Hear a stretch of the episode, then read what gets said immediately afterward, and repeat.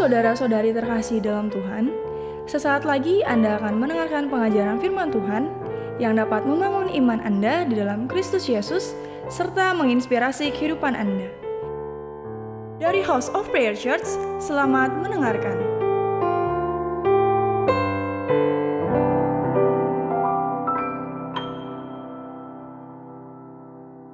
Biar Engkau Tuhan yang terus membimbing kami melalui firman-Mu. Engkau menjadikan kami seperti Raja Wali yang terbang tinggi mengatasi badai. Bukan menjadi korban keadaan, tetapi menjadi lebih daripada pemenang. Terima kasih Roh Kudus, materaikan firman-Mu dan mampukan kami untuk melakukannya. Urapi hamba untuk menyampaikan seperti apa yang Tuhan mau. Tutup bungkus kami semua dengan kuasa darah Tuhan Yesus. Di dalam nama Allah yang kudus, Tuhan Yesus kami berdoa dan ucap syukur. Amin. Saudara tema kita pada bulan ini, bulan Maret adalah uh, mengenai keuangan saudara. Kita akan membahas berbagai macam sisi mengenai keuangan, dari berbagai macam hal mengenai keuangan. Dan judulnya pada bulan ini adalah maniting. Maniting ini plesetannya saudara sebetulnya adalah satu kata itu nyambung, nggak dipisah. Maniting itu dari bahasa Belanda, nanti saudara cara sendiri artinya apa. Nah tetapi saudara kita eh, plesetannya adalah berbicara kita ingin membahas segala hal tentang uang. Nah saudara namanya segala hal tentang uang tentunya yang kita bahas bukan uangnya tetapi segala hal tentang uang. Nah, untuk yang judul khotbah hari ini, saya berikan judul adalah kaya versus miskin. Kaya versus miskin. Saya mau tanya saudara, berapa banyak saudara di tempat ini saudara mau jadi orang kaya? Saudara di tempat ini mau jadi orang miskin? Yang nggak angkat tangan artinya miskin kagak mau, kaya juga nggak mau. Oke, saudara, saudara tolong jangan hakimi dulu, jangan saudara pikir gini, ah pas ini gereja ini udah bicara tentang kaya-kaya. Ini kayak udah mulai sesat di gereja nih, udah mulai sesat nih. Ngomong tentang kaya, kayaknya gak etis ya ngomong tentang kaya di gereja. Nggak rohani gitu kelihatannya. Ini gereja sesat, jangan hakimi dulu saudara. Nanti setelah khotbah selesai kalau saudara mau hakimi, terserah lah ya saudara ya. Tapi jangan hakimi sekarang. Nah saya mau minta tolong dua orang. Tadi pagi saya minta tolong uh, untuk orang yang dewasa. Sekarang saya mau minta tolong orang yang lebih muda ya saya mau minta tolong dari anak muda uh, uh, Anes boleh Yohanes boleh bantu maju ke depan tepuk tangan untuk Yohanes satu orang lagi siapa ya ah uh, oke okay. Herdian boleh maju ke depan eh naik ke atas naik ke atas dong naik ke atas oke okay, tepuk tangan untuk Herdian ya Anes pengen tahu seberapa pengennya sih kamu jadi orang kaya pengen banget atau pengen aja atau biasa-biasa aja? Pengen. pengen. Cuman pengen banget. Oh, pengen banget. Pengen banget kalau Erdian? Pengen banget juga. Oh, pengen banget juga. Di dalam kehidupan seorang, saya yakin dah. Sebetulnya di dalam dirinya seseorang itu setiap orang, hampir semua orang itu mau menjadi orang kaya. Maka itu saudara, mereka berusaha mengumpulkan harta, mengumpulkan uang. Karena mereka ingin kah? Kaya. Aduh, jatuh. Aduh. Saudara sebentar ya. Nanti minta sama mereka. Karena karena pengen kaya saudara, ingin menjadi kaya, suka menjadi kaya, mereka mengumpulkan uang. Terus kumpulin uang, jangan dilihatin, eh Masa dihitungin sekarang? Bener-bener jangan dihitung sekarang. Mereka terus kumpulkan uang. Mereka terus kumpulkan uang. Mereka terus kumpulkan uang, nggak berhenti. Mereka kumpulkan uang untuk diri mereka. Terus mereka kumpulkan uang. Terus mereka kumpulkan uang. Terus mereka kumpulkan uang. Tahu nggak kenapa saudara? Karena mereka mengerti, pengertian mereka punya begini. Orang yang kaya adalah orang yang punya banyak uang. Orang yang kaya adalah orang yang punya banyak harta. Betul saudara? Dan orang yang punya banyak harta, punya banyak uang, punya banyak kekayaan, itu namanya baru orang kaya. Dan sebaliknya, lah ke mana tuh? Ini dia. Dan sebaliknya, orang yang miskin, nggak punya banyak uang. Ini orang miskin. Ini cuma ilustrasi aja, Rian. Nasibmu tidak ditentukan oleh ilustrasi ini, tenang aja. Jadi orang yang miskin itu orang yang tidak punya banyak uang. Itu orang miskin. Saudara, itu pengertian orang yang ada di, di, di luar sana. Orang kaya apa? Punya banyak uang. Orang miskin, orang yang tidak punya uang. Itu pandangan orang dunia mengenai kaya dengan miskin. Nah, tapi saudara, sesungguhnya eh, jangan dibagi-bagi. Ini buat ilustrasi, jangan dibagi-bagi. Dan saudara, tolong perhatikan gini. Yang sesungguhnya adalah begini. Orang yang punya banyak harta belum tentu kaya di mata Tuhan. Dan orang yang tidak punya banyak harta belum tentu miskin di matanya Tuhan. Saudara, Lukas pasal 12 menceritakan ada perikopnya orang kaya yang bodoh. Di mata dunia orang itu orang yang kaya. Karena kenapa? Dia punya banyak harta. Hartanya banyak banget sampai gudangnya itu nggak muat. Lumbungnya itu nggak muat. Dia punya harta banyak banget. Sehingga bagi orang dunia dia disebut sebagai orang yang kaya. Tapi ternyata di mata Tuhan dia bukan orang yang kaya, sama sekali tidak kaya. Bahkan di mata Tuhan dia itu orang yang miskin. Kenapa saudara? Karena dia hanya mengumpulkan harta untuk dirinya sendiri saja. Nah saudara, jadi begini. Yang perlu kita pahami hari ini, ternyata pengertian kaya dan miskin antara pengertian yang dimiliki oleh orang dunia dengan apa yang dimiliki oleh Tuhan. Ukuran kaya atau miskin yang dimiliki oleh dunia dan ukuran kaya dan miskin yang dimiliki oleh Tuhan ternyata berbeda. Betul saudara? Ternyata berbeda. Apa yang orang dunia pikir, apa yang dunia orang dunia anggap bahwa orang itu kaya, ternyata di mata Tuhan dia miskin. Tetapi bisa jadi saudara, orang yang di mata dunia miskin bisa jadi di mata Tuhan dia orang yang kaya. Jadi saudara, menjadi kaya di mata Tuhan tidak ditentukan dari seberapa banyak harta yang ia miliki. Tapi ditentukan oleh seberapa banyak orang dan pekerjaan Tuhan yang diberkati melalui kekayaannya. Yang setuju katakan amin. Jadi saudara, mulai hari ini saya mau ajak kita redefinisi, redefinisi ulang. Atau mendefinisikan ulang kata kaya dan miskin yang selama ini kita punya. Miskin, kalau kita hanya punya uang, harta untuk diri kita sendiri saja. Itu adalah miskin di mata Tuhan. Tapi seorang yang kaya di mata Tuhan, dia adalah orang yang menggunakan harta kekayaannya untuk menjadi berkat bagi orang lain, menjadi berkat bagi pekerjaan Tuhan di muka bumi ini. Saudara tolong dengar baik. Kalau saudara menjadi kaya di mata Tuhan, tinggal tunggu waktu. Tuhan akan tambahkan uang saudara. Tuhan akan tambahkan harta saudara. Tuhan akan tambahkan kekayaan di dalam kehidupan saudara. Sebab Tuhan tahu melalui kekayaan yang ada di tangan saudara akan dipakai untuk menjadi berkat bagi banyak orang dan untuk memberkati pekerjaan Tuhan di muka bumi ini. Yang setuju mengerti katakan amin. Melalui orang yang kaya di mata Tuhan, Tuhan ngerti bahwa nama Tuhan akan dipermuliakan. Kerajaan Tuhan akan diperluas. Yang setuju sampai di sini katakan amin. Bilang kiri kanannya, jadilah orang kaya di matanya Tuhan. Jadi orang kaya di mata Tuhan. Jadi orang kaya, salaman, salaman jadi orang kaya di mata Tuhan. Oke thank you. Tepuk tangan untuk mereka semuanya. Mereka dua-duanya jomblo, jadi kalau punya anak yang mungkin merasa cocok bisa hubungi saya. Nah, nomor telepon yang bisa dihubungin ke saya. Oke, nah saudara. Yang pertama adalah definisi mengenai kaya dan miskin yang perlu kita miliki dalam kehidupan kita. Kalau enggak kita akan terjebak saudara dengan masalah dalam kehidupan kita. Dan yang kedua adalah yang perlu kita pahami begini. Tuhan mau menjadi, Tuhan mau saudara menjadi kaya. Itu udah pasti. Kenapa saudara saya katakan demikian? Karena saya aja sama saudara pasti punya hal yang sama. Kita aja sebagai orang tua, kita ingin anak kita punya kehidupan lebih baik dari kita. Betul gak? Kita ingin anak kita bisa menjadi lebih sukses dibandingkan kita.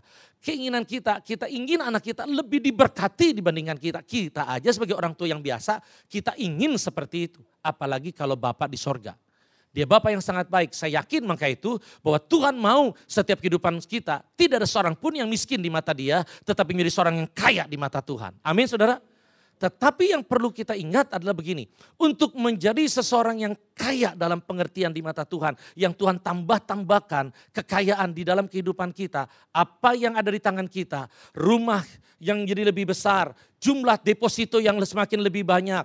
Eh, pakaian yang lebih bagus. Dan sebagainya saudara. Segala sesuatu kekayaannya apa yang ada di luar kita. Kalau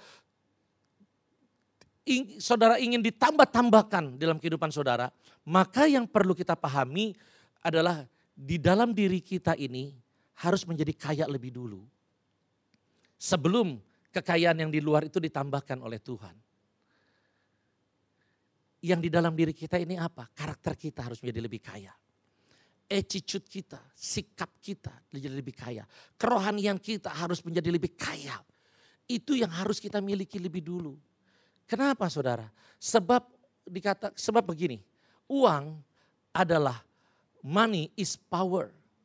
Uang memiliki kekuatan untuk memperbesar segala hal yang ada dalam diri kita. Jadi kekuatan uang itu, power daripada uang itu bukan hanya agar kita bisa membeli sesuatu, rumah yang lebih besar, mobil yang lebih mewah dan sebagainya. Bukan hanya itu, tetapi uang juga memiliki power, kekuatan untuk memperbesar segala hal yang dalam diri kita. Bayangkan saudara, kalau seandainya seseorang yang dari diri dalamnya adalah seorang yang nakal, suka main perempuan, suka judi, suka foya-foya yang gak jelas. Saudara, maka ketika dia punya uang semakin banyak, maka dia akan menjadi orang yang lebih nakal. Betul apa betul? Yang tadinya dia gak pernah bisa coba, dia jadi bisa coba. Dia ingin coba lakukan kayak gitu.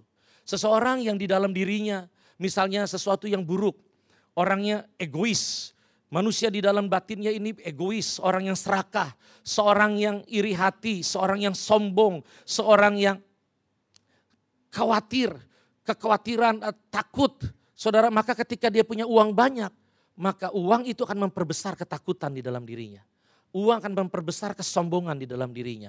Uang akan memperbesar keegoisan di dalam dirinya. Uang akan memperbesar keserakahan di dalam dirinya.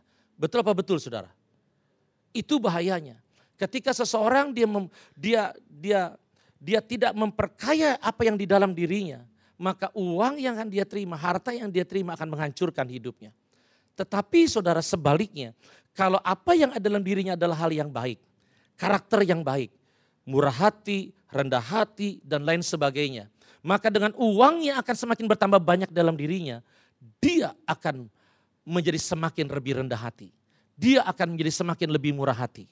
Yang mengerti sampai di sini katakan amin. Jadi saudara, hal yang perlu kedua kita pahami adalah begini. Jangan tergopoh-gopoh untuk ingin menjadi kaya. Jangan istilahnya potong-potong apa ya? Potong apa namanya sebutnya? Potong jalan atau apalah ya. Pokoknya jalan pintas. Oh, thank you, thank you saudara. Jangan ambil jalan pintas untuk menjadi kaya saudara. Jangan ambil jalan pintas. Ada orang-orang yang mereka tidak peduli dengan kerohanian mereka. Mereka tidak tidak memperbesar kekayaan di dalam batin mereka. Karakter mereka tidak mau perasti untuk dibangun dan juga mungkin uh, kerohanian mereka dan lain sebagainya. Mereka apa tadi? Ambil jalan pintas untuk menjadi kaya. Saudara, mereka bisa dapat kekayaan, betul. Tetapi yang di dalam ini buruk. Karakternya buruk. Apa yang terjadi saudara? Saya melihat saudara, sekalipun dapat uang, dapat tender dapat gak? Dapat. Walaupun jalan pintas, pakai sogok sini, eh, pakai segala macam, pakai segala macam. Bisa, bisa. Bukan tidak bisa, bisa. Transaksi berhasil, berhasil. Untungnya gede, untungnya gede. Kekayaannya dapat berlipat, berlipat tetapi kekayaan yang datang di tangannya dia tidak disertai. Kekayaan bertambah di tangan dia tidak disertai dengan kekayaan bertambah di dalam batinnya. Kekayaan di tangan menghancurkan kehidupan orang itu. Bukan hanya dia yang hancur. Keluarganya hancur berantakan. Perselingkuhan terjadi. Rumah tangga berantakan. Dan sebagainya saudara. Hari ini saya mau sampaikan. Mari saudara ingat baik. Percayalah Tuhan ingin saudara dan saya menjadi kaya.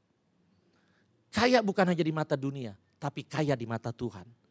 Dan untuk menjadi kaya di mata Tuhan, ingat saudara, kerjakan PR kita. Perhatikan apa yang di dalam. Bangun manusia batin kita. Bangun karakter kita. Agar ketika kita apa yang ada di tangan kita ditambahkan. kita mampu menghandle uang yang tangan kita. Uang tidak mengendalikan kita, tapi kita yang kendalikan uang. Amin saudara. Uang tidak menjadi bos. Kita tidak akan menjadi cinta uang. Uang tidak akan menguasai kehidupan kita, tapi kita yang akan menguasai uang. Saudara, hari ini hal yang lain yang saya ingin sampaikan adalah mengenai ayat ini. Ulangan 8 ayat 18. Firman Tuhan berkata begini. Tetapi haruslah engkau ingat kepada Tuhan Allahmu sebab dialah yang memberikan kepadamu kekuatan untuk memperoleh kekayaan dengan maksud meneguhkan perjanjian yang diikrarkan dengan sumpah kepada nenek-nenek moyangmu seperti sekarang ini. Saudara, hari ini saya tidak berbicara mengenai bagaimana mengelola kekayaan. Karena bagaimana mau kelola kalau uang kalau kekayaannya belum dapat. Betul Saudara ya? Hari ini yang kita mau belajar adalah Nanti ke depan ke depan mungkin ada ada sesi-sesi dalam khotbah hal-hal yang lain dan bahkan mungkin banyak hal empat minggu akan banyak hal berbicara mengenai mengenai hal-hal yang saya yakin pasti akan memberkati saudara. Tetapi hari ini saya ingin masuk kepada area ini bahwa kita Tuhan mau kita perhatikan begini. Yang pertama, Tuhan sediakan berkat kekayaan bagi saudara dan saya. Setuju katakan amin. Dia Yehova Jireh, dia menyediakan berkat itu. Dia menyediakan kekayaan itu buat saudara. Pertama, yang kedua, dia bukannya sediakan, tetapi dia memberikan kepada kita kekuatan. Kekuatan apa? Kekuatan untuk memperoleh kekayaan yang Tuhan sudah sediakan bagi kita. Firman Tuhan berkata demikian. Pak, kekuatan apa aja yang Tuhan berikan kepada kita untuk kita bisa memperoleh kekayaan yang Tuhan sudah sediakan? Yang pertama adalah bekerja. Kekuatan yang Tuhan berikan pertama adalah bekerja. Saudara, di pada saat waktu di orang Israel ada di padang gurun, sebelum mereka masuk tanda perjanjian. Saudara, kita tahu bahwa tapa ajaibnya Tuhan menyediakan berkat buat mereka. Caranya ajaib, sangat ajaib. Bagaimana? Mana dari sorga turun. Betul saudara? Burung puyuh dikirimkan. Berkat itu Tuhan sediakan. Kekayaan itu Tuhan sediakan. Tetapi firman Tuhan katakan kekayaan itu tidak jatuh di piring mereka untuk mereka makan.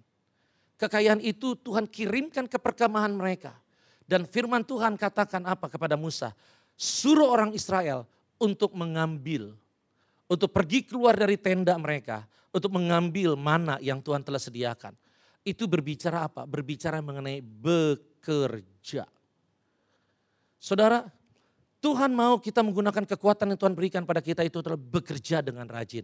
Sebab firman Tuhan berkata begini, Amsal 10 ayat keempat, tangan yang lamban membuat miskin tetapi tangan orang rajin menjadikan kaya. Saudara, saya yakin semua kita di tempat ini adalah orang-orang yang rajin untuk bekerja. Kalau kita gunakan kekuatan kita untuk rajin bekerja, maka pasti kita akan memperoleh kekayaan daripada Tuhan. Pasti, pasti. Maka itu saudara, kalau ada orang Kristen yang sampai tidak bisa makan, saya yakin bukan karena Tuhan yang tidak mampu sediakan, tetapi dia tidak mau pakai kekuatan yang Tuhan sudah berikan untuk dia bekerja. Setuju saudara? Karena saya percaya orang mana pun juga mau Kristen maupun tidak, kalau dia rajin bekerja, dia pasti akan mendapatkan upah. Setuju saudara? Bukankah di kantor kita, di kantor kita lihat bukan hanya orang Kristen yang kerja dikasih gaji. Orang agama yang lain juga kalau kerja dikasih gaji. Betul gak saudara? Artinya adalah kekuatan yang sama Tuhan berikan kepada semua orang. Mau agamanya apa pun Tuhan kasih kekuatan itu. Tetapi saudara itu kekuatan yang umum. Ada kekuatan yang spesifik, kekuatan yang saya sebut dengan berkat supranatural. Pak, apa itu maksudnya dan untuk apa? Saudara, saya mau, saya mau ajak kita belajar kita mengerti begini. Saudara, Bekerja adalah kekuatan yang Tuhan berikan memang untuk memperoleh kekayaan. Tetapi saudara, kalau saudara tidak mau mengalami krisis, ketika saudara berada di dalam suatu masa yang krisis, ada banyak orang berkata, di depan sana ada ancaman resesi ekonomi global. Wah nantinya akan terjadi apa? Ada banyak orang takut, ada banyak bukan hanya perusahaan takut, ada banyak negara takut. Ada banyak negara pun sudah berkata, waduh kami sedang mengalami bahaya kebangkrutan. Salah satunya Jerman. Saudara, itu bank, bank negaranya bangkrut saudara. Saudara, ada banyak orang ketakutan. Lalu bagaimana dong? Saudara, saya mau beritahu begini. Kalau saudara dan saya, kita tidak mau mengalami krisis. Ketika krisis sudah terjadi di dunia ini, maka kita tidak cukup hanya memiliki kekuatan bekerja dengan rajin. Enggak cukup saudara. Kita harus memiliki kekuatan yang lain yang Tuhan sediakan agar kita bisa memperoleh mengalami berkat supranatural yang datang daripada Tuhan. Ada berkat alami, ada berkat supranatural. Saudara, apa sih Pak kekuatan itu yang mendatangkan berkat supranatural? Saudara, berkat yang secara spesifik yang diberikan kepada setiap orang yang dikatakan oleh firman Tuhan yang Tuhan sediakan buat dia. Saudara, yang pertama adalah unity, kesatuan hati. Saudara, kalau saudara baca di depan, singkat ceritanya begini. Dikatakan bahwa di ayat ketiga, Tuhan perintahkan berkat. Saudara, jelas Tuhan berkata apa? Tuhan perintahkan, sebab ke sanalah Tuhan perintahkan berkat kehidupan untuk selama-lamanya. Saudara, firman Tuhan ini berkata gini, Tuhan memerintahkan berkat secara spesifik kepada orang-orang tertentu. Bukan secara umum. Betul gak saudara? Tuhan perintahkan berkat kepada siapa? Kepada orang yang menggunakan kekuatan yang kedua adalah keunitian, kesatuan hati. Oleh karena itu saudara penting sekali untuk saudara dan saya menjaga kesatuan hati di dalam rumah tangga. Penting sekali saudara dan saya menjaga kesatuan hati di dalam pelayanan, di dalam gereja. Penting sekali saudara. Untuk saudara menjaga kesatuan hati dari ini. Sebab ketika saudara menjaga kesatuan hati, saudara menggunakan kekuatan yang kedua yang Tuhan sudah berikan, maka berkat itu akan diperintahkan kepada saudara. Berkat ini tidak secara umum diberikan. Karena berkat ini diperintahkan oleh Tuhan, man by man kepada orang-orang yang kepada siapa Tuhan akan utus berkat itu untuk datang. Betul saudara? Bukan kepada semua orang. Bukan kepada sebuah satu bangsa, satu kota. Bukan atau satu komplek perumahan. Enggak. Ini adalah berkat yang khusus yang diberikan. Itu kepada orang yang, mem, yang, yang, yang memiliki kekuatan yang kedua. Yaitu adalah kesatuan hati. Rumah tangganya ada kekuatan melalui kesatuan hati yang dibangun. Itu saudara. Maka akan mendatangkan berkat secara supranatural. Nah saudara Secara singkat saja saudara, bahwa untuk menjaga kesatuan hati tentunya diperlukan yang namanya kita belajar memahami kebutuhan eh, yang ada di dalam di dalam kehidupan kita, baik di dalam gereja maupun dalam keluarga. Nah, di dalam keluarga kebutuhan yang paling mendasar dari seorang kebutuhan paling mendasar daripada seorang suami adalah rasa hormat dari istrinya. Itu kebutuhan paling mendasar. Ada yang berkata, oh seks pak dan sebagainya. Ini gak apa-apa sih ngomong ini kan ya. Seks dan sebagainya. Tapi bukan itu saudara sebetulnya yang paling mendasar. Yang paling mendasar adalah sebetulnya rasa hormat dari istrinya. Maka itu istri-istri saya di dalam di dalam aplikasi keseharian begini. Sekalipun saudara lebih hebat dibanding suami, lebih pinter, lebih pinter cari duit, punya kedudukan lebih punya kedudukan lebih tinggi, punya kepandaian yang lebih hebat dibandingkan suami, saudara tetap belajar menghormati suami tetap belajar menghormati dia. Belajar uh, tidak merendahkan dia. Belajar untuk tidak menganggap remeh dia. Saudara, artinya belajar itu bagaimana? Belajar menghormati keputusannya. Belajar menghormati keputusannya. Saudara, mungkin ada keputusan yang berbeda antara istri sama suami. Istri berkata, aduh keputusan suami saya belalelo pak, ngaco banget dah. Nggak bener pak dia pak, ambil keputusannya. Terus bagaimana dong pak? Masa kalau kayak gitu kita ikutin aja? Begini, saudara sebagai istri bisa ajak diskusi. Pak, kita bicara yuk, diskusiin yuk, kita cari yang terbaik seperti apa. Begini bla bla bla bla bla bla. Nah, setelah diskusi, keputusan terakhirnya serahkan kepada suami. Suami ngambil keputusan, aduh Pak, diskusinya udah Pak, tapi suami saya bebel banget. Dijakin komunikasinya susah, dijakin diskusi nggak bisa. Udah jadi diskusi nggak mau denger Pak, mau maunya aja. Aduh terus bagaimana dong Pak, masa saya serahin? Betul saudara serahkan, tapi jangan serahkan begitu aja. Lapor sama Tuhan. Tuhan doa saudara, istri itu kekuatan di doa. Maka itu disebut tiang do, tiang doa. Nah kalau istri dalam rumah dia tidak berdoa kepada Tuhan, dia serahkan keputusan pada suami dan suaminya belalelo, hancur. Itu artinya istri itu enggak berhikmat.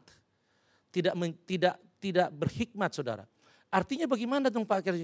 Doain. Tuhan Saya udah coba bicara, saya tahu itu salah. Tuhan udah kasih tahu ke saya juga bahwa itu nggak benar kayak gitu. Terus bagaimana suami saya kayak gini? Tuhan tolong dah Tuhan saya serahin suami saya sama Tuhan. Tuhan yang bicara pakai caranya Tuhan dah. Terserah dah mau caranya kayak apa. Yang penting suami saya ngerti. Doa, Tuhan akan turun tangan. Betul gak saudara? Tuhan akan turun tangan. Saudara, saya ngalamin sepertinya nggak tahu istri saya mungkin doain saya kali ya. Berkali-kali saya berkata, enggak pokoknya enggak. Enggak mau diskusi apa, enggak pokoknya enggak.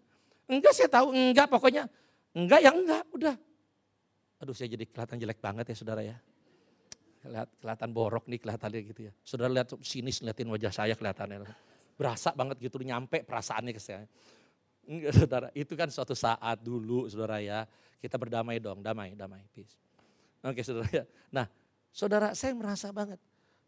Tuhan bicara sama saya. Pak, kalau Bapak dengerin suara Tuhan, nah kalau suami saya Pak bagaimana dia dengernya? Dia, Tuhan juga ngomong di kakak denger Pak. Jangan takut Tuhan punya seribu satu cara untuk bicara sama suami saudara. Amin. Jadi istri-istri cayo. Oke yang kedua untuk suami, untuk istri sekarang. Suami-suami tolong dengar baik. Kebutuhan yang paling mendasar daripada seorang istri adalah rasa aman. Istri-istri katakan rasa aman. Oke. Itu rasa aman yang paling dibutuhkan oleh seorang wanita dari seorang pria. Rasa aman, rasa terlindungi, rasa terjagai. Itu rasa aman yang dibutuhkan. Nah saudara, bagaimana seorang aplikasinya? Begini saudara ya.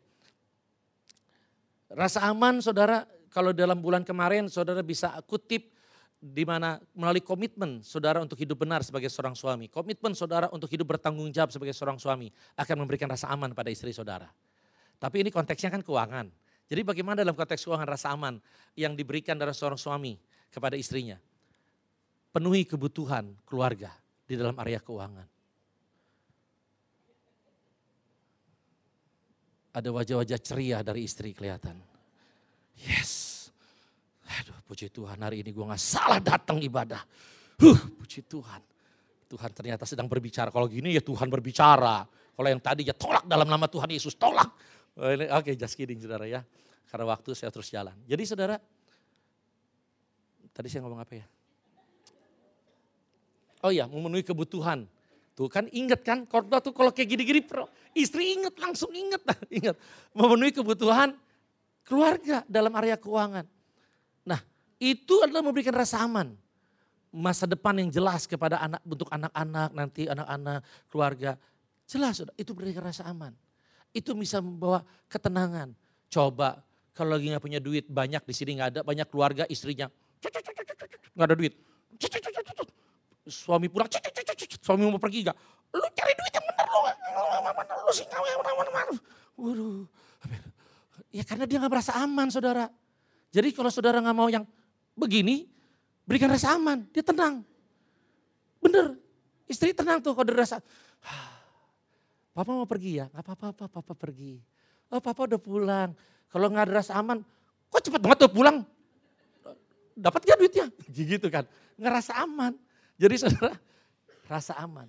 Pak, tapi kan jujur ya, nggak setiap kali, nggak setiap saat, nggak setiap suami bisa memenuhi kebutuhan keuangan keluarga. Betul saudara ya? Ada saat-saat di mana mereka mengalami kesulitan. Saya memberikan tips kepada para suami supaya istri tetap merasa aman di kala masa sulit. Bagaimana caranya? Sebagai suami, saudara ajak istri bicara baik-baik. Ceritakan ini loh kondisi yang ada. Dan planning saya ke depan kira-kira kayak gini. Rencana saya ke depan begini. Mulai diskusikan, cari jalan keluar yang terbaik. Kalau dari istri seperti apa. Atau mungkin bisa jadi adalah begini, jalan keluar yang terbaik kalau gitu gini dah ya. Oke, kamu menghemat, saya menghemat Oke, kita sama-sama menghemat. Jadi kamu pergi keluar, jangan makan di luar, sampai nanti malam pulang baru makan di rumah. Saya juga di rumah, saya kagak makan nungguin kamu. Jadi kita sepakat makan satu hari satu kali. Misalnya, misalnya kalau seperti itu dibutuhkan. Yang penting sepa, sepakat. Kalau istri jelas mengenai gambaran ke depan, sekalipun di masa sulit, istri akan tetap merasa aman. Betul gak saudara? Yang menjadi istri itu kehilangan rasa aman adalah ketika melihat di masa sulit suaminya tidak bertanggung jawab. Terus bagaimana Pak? Nggak tahu. Terus bagaimana nih keuangan? Nggak tahu. Loh, terus bayar ini bagaimana? Nggak tahu. Waduh itu nggak aman tuh buat istri. Aduh gelisah dah dia, tidur nggak bisa, makan nggak enak. Itu istri. Maka itu berikan rasa aman. diskusi. Betul saudara ya? Diskusi. Pak, tapi udah diskusi penghematan segala macam sudah dihemat tapi masih belum ada solusinya. Bagaimana? Ngomong baik-baik sama istri, Dinda, Dindangku, sayangku, darling, dadar guling gitu. E, bagaimana ya kalau seandainya saya minta tolong kamu, bisa nggak kamu bantu saya untuk cari uang? Entah kamu kerja di luar, entah kerja di rumah, bikin itu, bikin ini, online itu, online ini, online itu. Pokoknya apa aja dah yang penting bisa menghasilkan uang. Bagaimana ya? Diskusi sama istri, mungkin istri berkata, oke okay, saya akan coba lakukan ini. Atau bagaimana, atau berbicara bagaimana. Atau oke okay, saatnya mungkin belum bisa sekarang, tapi nanti ada sebagainya. Tetapi ada diskusi, betul gak saudara? Saya kayak ngomong sendirian. Betul gak saudara? Iya, itu memberikan rasa ah, aman. Jadi saudara, poin yang kedua apalah, saya berpindah aja udah kelamaan saudara di sini. Jadi untuk supaya saudara bisa mengalami berkat supranatural, jaga kesatuan hati. Untuk jaga kesatuan hati, saudara belajar memenuhi kebutuhan yang paling mendasar dari orang-orang di sekitar saudara. Yang mengerti setuju katakan amin. Yang selanjutnya adalah ini. Yang ketiga adalah perkataan. Perkataan ini adalah kekuatan yang Tuhan berikan untuk kita memperoleh kekayaan. Saudara, ini kekuatan yang Tuhan berikan. Jadi begini, kalau saudara ingin mengalami mujizat di tengah-tengah masa krisis sekalipun, maka pakai kekuatan yang Tuhan berikan ini melalui perkataan. Ketika Tuhan, ketika orang Israel akan masuk ke tanah perjanjian, Tuhan tahu ini masa yang sulit buat mereka. Ada banyak musuh di depan. Tuhan tahu, Tuhan tahu. Tetapi Tuhan juga sudah sediakan kemenangan buat mereka. Nah tapi bagaimana supaya orang-orang Israel bisa memperoleh kekayaan yang Tuhan telah sediakan. Berkat susu dan madu yang berlimpah-limpah yang Tuhan sudah sediakan di tanah perjanjian. Bagaimana caranya? Tuhan mau untuk mereka pakai kekuatan melalui perkataan yang Tuhan telah taruh dalam kehidupannya. Bagaimana? Maka itu pesannya Tuhan berkata kepada Yosua begini, Yosua perkatakan jangan sembarangan, tapi perkatakan firman Allah. Perkatakan kebenaran, jangan perkataan situasi, jangan perkataan kondisi, tetapi perkataan firman Allah dan percayalah kepada firman, maka itu akan terjadi atas hidupmu. Maka itu Tuhan berkata selanjutnya, kalau itu kamu lakukan, kamu akan berhasil masuk tanah perjanjian dan kamu akan beruntung. Kamu akan menikmati berkat kekayaan yang aku sudah sediakan di tanah perjanjian. Gitu loh saudara maksudnya. Hari ini belajar saudara. Gunakan perkataan. Belajar. Jangan lihat. Saudara Yosua sebetulnya bisa gak sih terpancing untuk walaupun dia belum lihat bahwa musuh seperti apa. Bisa. Bagaimana dia bisa menggunakan kata-kata negatif? Karena dia udah pernah dengar dari 10 pengintai. Betul gak saudara? Dia pernah dengar juga. Dan juga memang bukan dia pernah dengar, dia pernah lihat. Dia ikut survei kan, eh survei, apa namanya? Apa tuh namanya? Bukan survei, apa? Diutus. Ya udah, saudara sama-sama kita ngerti. Dia pernah ke tanda perjanjian juga kan. Dia lihat memang masalahnya ada. Tetapi dia belajar, enggak. Saya tidak mau perkatakan keadaan. Hari-hari ini saudara, apa pun kondisi ke depan, sesulit apa pun, sesusah apa pun masa ekonomi ke depan. Saudara, ada banyak orang masa ekonomi oh begini begini. Kalau saudara tidak mau mengalami seperti apa yang saudara lihat dengan mata, kalau saudara tidak mau mengalami masa resesi kalau saudara tidak mau mengalami masa resesi ekonomi seperti apa yang saudara dengar, jangan perkatakan yang negatif. Amin saudara? Jangan perkataan negatif. Walaupun mungkin aduh waduh, mungkin teman kantor bilang waduh kita bakal dipecat nih, kita bakal dipecat nih, kita bakal di PHK nih. Kalau saudara tidak mau di PHK, saudara jangan berkata waduh gua nanti juga bakal di PHK. Saudara tolong dengar baik, di dalam bisnis yang namanya rugi itu biasa. Betul saudara? Tetapi bukan artinya rugi itu langsung kita akan bangkrut. Betul gak saudara? Tetapi kalau saudara mengalami dalam bisnis, aduh kok rugi ya, rugi dia. Wah bangkrut dah gua. Itu yang salah. Itu yang bahaya. Bilangan 14 ayat 28 ayat bilangan 14 ayat 28 berkata, Tuhan berkata begini, apa saja yang kamu katakan di hadapanku, itulah yang akan aku lakukan kepadamu. Saudara, saya belajar untuk menjaga perkataan saya. Saya belajar betul menjaga perkataan. Kalau saya tidak mau itu terjadi, saya nggak mau ngomong itu. Kalau saya, saya ngomong pun, saya akan sertai dan perkataan yang kebenaran yang berikutnya. Misalnya contoh gini, iya saya sakit memang. Iya saya sakit, tapi saya percaya saya pasti disembuhkan. Gitu loh. Ngerti saudara ya? Sekarang gini, ada orang gini, kita nggak boleh ngomongin sebenarnya, berarti kita nggak bohong. Kamu sakit ya? Enggak.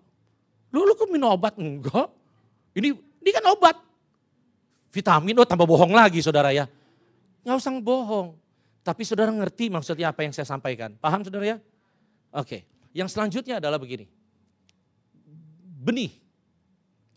Saudara, apa sih kekuatan yang Tuhan taruh dalam benih? Ia adalah kekuatan untuk melipat gandakan. Firman Tuhan nanti saudara baca di sini 2 Korintus 9 10. Saudara, kekuatan untuk melipat gandakan. Nah, saudara Tuhan mau kita belajar untuk menabur benih. Sebab ketika kita menabur benih, maka akan membawa kita mengalami berkat yang supranatural, pelipat gandaan.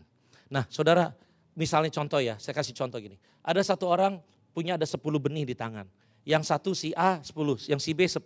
Lalu si A dia taburkan dari 10, 4 ditaburkan. Sisanya 6. Si B punya 10, dia simpan 10-10-nya. Berarti dia punya berapa? 10. Lebih banyak mana untuk sementara waktu? Si A sama si B punya benihnya. Si B, karena si B simpan. Si A dia tabur 4, sisanya tinggal 6. Sementara kelihatannya dia lebih sedikit. Tetapi saudara di waktu ke depan yang akan terjadi. Si A dia akan memiliki benih yang jauh lebih banyak. Sebab pelipat gandaan terjadi melalui apa yang dia tabur. Dia tabur, benih yang ditabur akan menjadi pohon, menghasilkan buah dan menghasilkan benih yang berikutnya. Saudara, ketika kita menaburkan benih, maka itu kita akan menjadi bertambah, tambah berlipat ganda. Tepat Amsal 11 24 berkata, yang menabur justru menjadi bertambah kaya. Saudara, yang berhemat justru menjadi bertambah miskin. Kenapa? Itu pengertian adalah benih yang ditaburkan.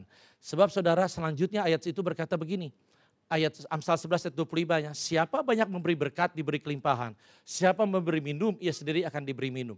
Saudara, ayat ini juga saya mau saya mau, saya mau secara uh, clear saya mau buka mau jelaskan kepada saudara. Mungkin kelihatannya agak sedikit vulgar saudara, tapi saya mau betul-betul clear supaya saudara juga menangkap sesuatu yang yang tepat kayak gitu. Firman Tuhan berkata jelas begini, siapa banyak memberi berkat diberi kelimpahan, tetapi di kalimat berikutnya itu deskripsi daripada kalimat yang di depannya. Kelimpahan kayak apa? Berkat seperti apa yang diberikan dan kelimpahan seperti apa yang dia akan terima. Secara lebih lebih lebih spesifik gitu. Lebih spesifik dikatakan gini. Siapa memberi minum, dia sendiri akan diberi minum. Berarti seseorang ketika dia memberi berkat, berkat itu bentuknya adalah minuman, dia akan menerima apa? Dia akan menerima kelimpahan dalam bentuk apa? Minuman. Apa yang ditabur dia akan tuai. Jadi kalau saudara ketika seseorang dia menabur makanan, dia akan menuai makanan. Dia menabur pakaian, dia akan tuai pakaian. Betul saudara? Dia menabur senyuman, dia akan menuai senyuman. Betul gak saudara? Tetapi kalau dia menabur uang, hartanya dia akan menuai uang. Saudara, saya hati-hati sekali bicara tentang ini karena saya tidak mau saudara termotivasi untuk untuk untuk mendapatkan lebih banyak dalam uh, hal uang dalam pengertian apa yang saya sampaikan di sini. Tetapi inilah kebenaran adalah kebenaran Saudara. Saya harus sampaikan ini tapi juga saudara saya juga agak khawatir jangan sampai saudara nangkapnya nanti motivasinya salah. Oh saya pengen uang banyak berarti saya tabur, tabur, tabur, tabur uang. Saudara kita harus punya hati yang bersih dalam kita menabur. Sudah, sudah, sudah. Setuju saudara ya? Sebab ketika kita dikuasai oleh keserakahan, saudara kita sedang tidak membangun manusia batin kita menjadi kaya. Seperti tadi saya katakan di depan. Dan kalau itu terjadi, saudara ada banyak orang kecewa. Kenapa? Tuhan gak kasih karena, karena Tuhan sayang. Tuhan tidak tambahkan kekayaan di tangannya karena kekayaan di hatinya belum cukup.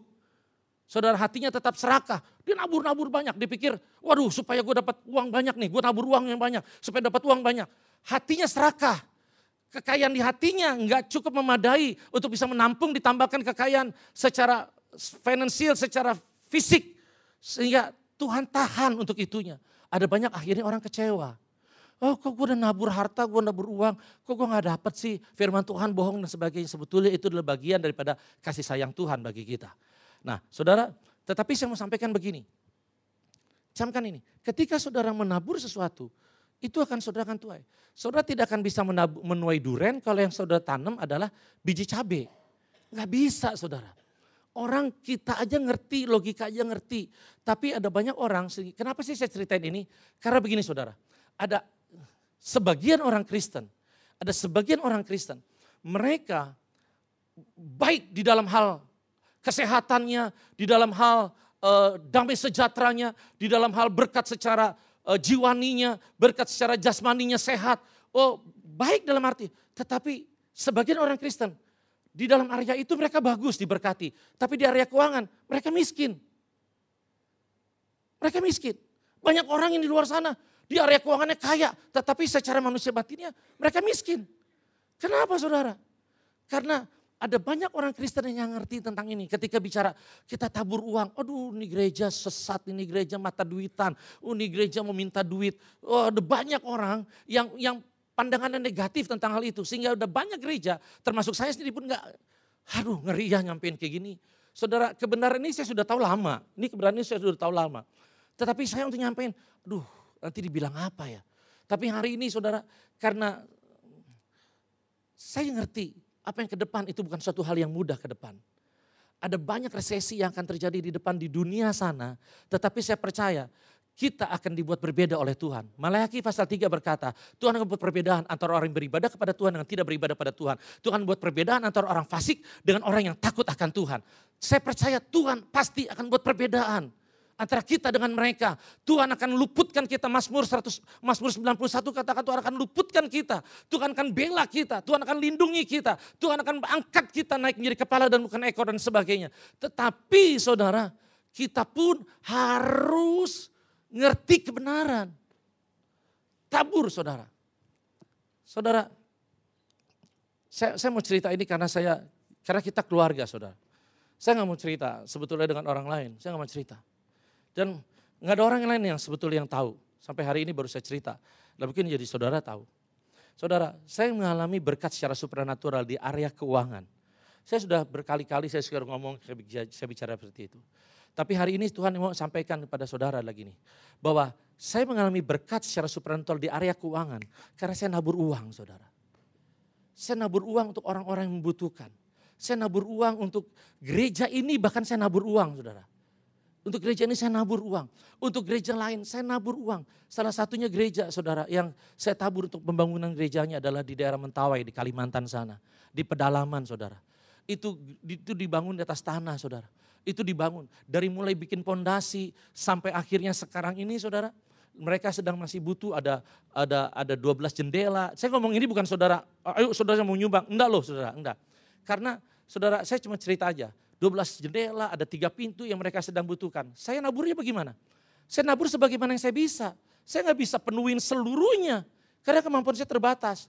Tapi saya belajar untuk menabur benih yang yang yang Tuhan percayakan kepada saya. Saya tabur saudara. Sehingga apa yang terjadi? Karena saya tabur uang, saya tuai uang. Clear gak saudara? Clear gak? Saudara, ini pengertian ini yang harus kita terima sebagai orang Kristen. Saya ngomong ini bukan lagi berbicara ada materialistis atau sedang lagi berbicara mengenai minta uang dan sebagainya. Enggak, tetapi saya mau untuk setiap kita sama-sama umat Tuhan di hari-hari ke depan sekalipun masa resesi kita tetap hidup berkemenangan di area keuangan. Kita tidak tertindas, kita tidak menjadi korban karena kondisi resesi, tapi kita keluar sebagai pemenang. Yang setuju mengerti katakan amin. Saya berharap kita ngalamin yang namanya berkat supranatural saudara berkat supranatural. Dan yang lain berkat supranatural kekuatan yang Tuhan berikan dalam melalui perpuluhan saudara. Melalui perpuluhan, saudara kita akan menerima berkat supranatural. Berkat yang datang bukan karena kita bekerja. Memang bekerja itu kekuatan pun dari Tuhan.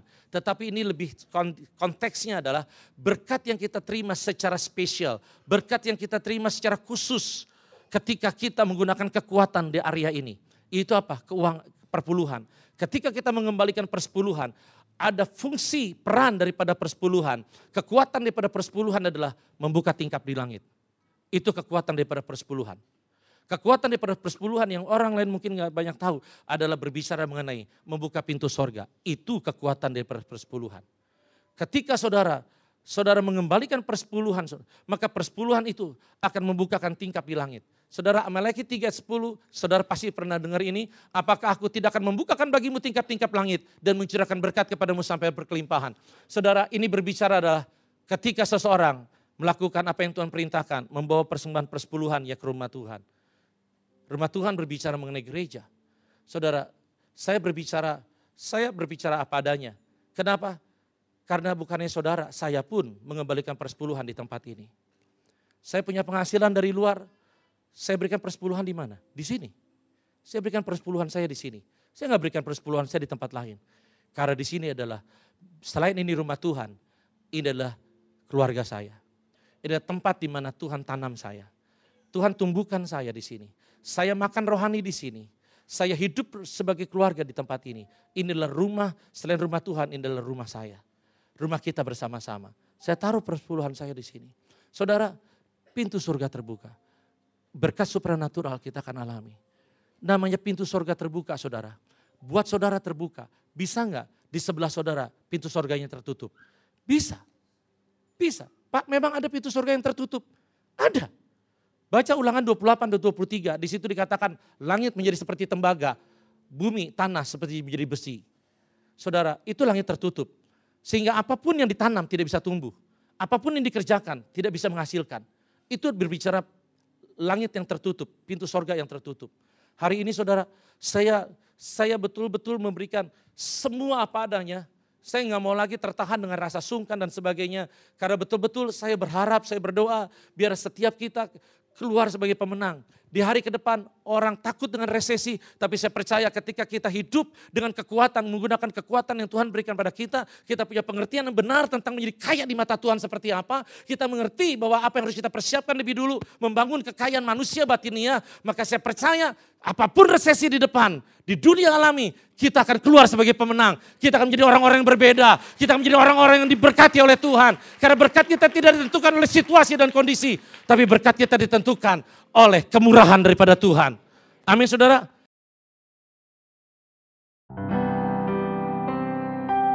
Anda telah mendengarkan sharing firman Tuhan yang disampaikan oleh hambanya. Untuk mendengarkan rekaman khotbah lainnya, Anda dapat mengunjungi website hope.church/sermon atau streaming melalui handphone Anda Hope Church Podcast di Spotify dan Apple Podcast. Tuhan Yesus memberkati. Strong families, strong generation.